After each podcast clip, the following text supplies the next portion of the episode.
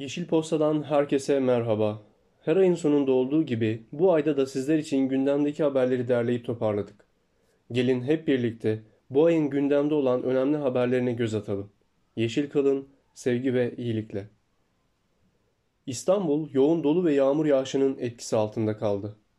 Giderek daha sık karşı karşıya kaldığımız aşırı hava olayları, iklim krizinin gündelik hayatımızın korkutucu bir şekilde parçası haline gelmeye başlamasının bir sonucu.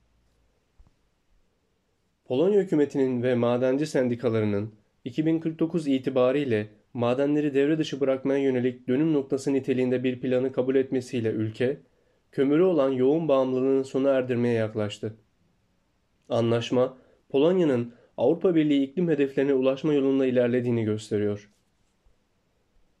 İngiltere'de plastik atıkların azaltılmasını amaçlayan Avrupa Birliği mevzuatı doğrultusunda tek kullanımlık plastik pipet, kulak temizleme çubuğu ve kokteyl karıştırıcılarının satışı ve dağıtımı yasaklanıyor.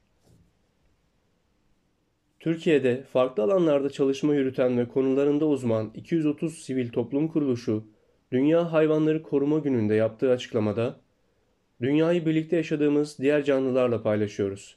Ormanlar, dağlar, dereler, hepimizin yaşam kaynağı ve hepimizin yaşamı birbirine bağlı. Bu nedenle haklarını bizim dilimizde ifade edemeyen tüm canlıların sesi olmak için bir aradayız dedi.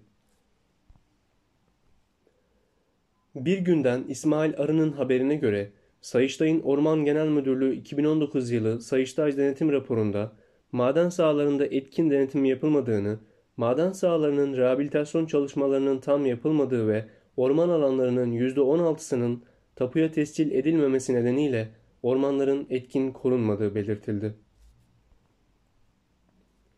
İklim krizi nedeniyle günümüzde tropikal enlemlerle sınırlı olan birçok sivrisinek türünün özellikle Avrupa'da yeni ılıman bölgelere yayılması bekleniyor. Dünya çapında fosil yakıt kullanımı bilim insanları tarafından yapılan uyarılara rağmen devam ederken, gezegende de artan karbon emisyonlarına rekor sıcaklıklar ile yanıt veriyor.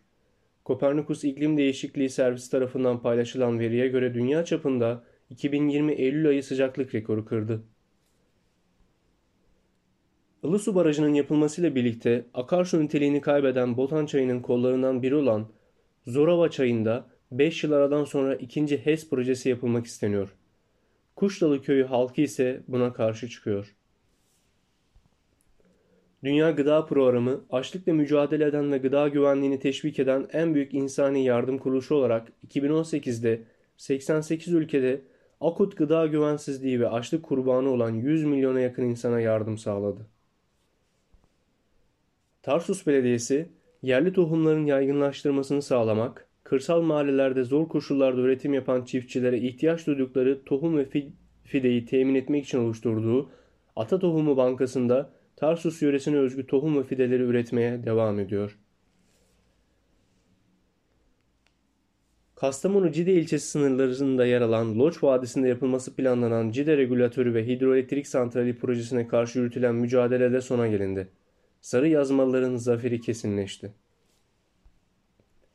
Tarihi ve kültürel özellikleri, doğası ve tarım alanları ile Türkiye turizminin ve tarımsal üretiminin merkezlerinden biri olan Muğla ve yakın çevresinin geleceği, var olan binlerce maden ruhsatı nedeniyle tehdit altında.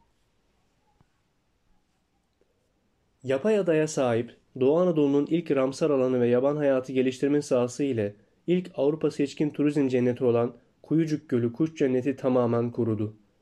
230'un üzerinde kuş türünün tespit edildiği göl, her yıl Ekim ayının sonu, Kasım ayının ilk haftasında yaklaşık 40 bin göçmen kuşu ağırlıyordu.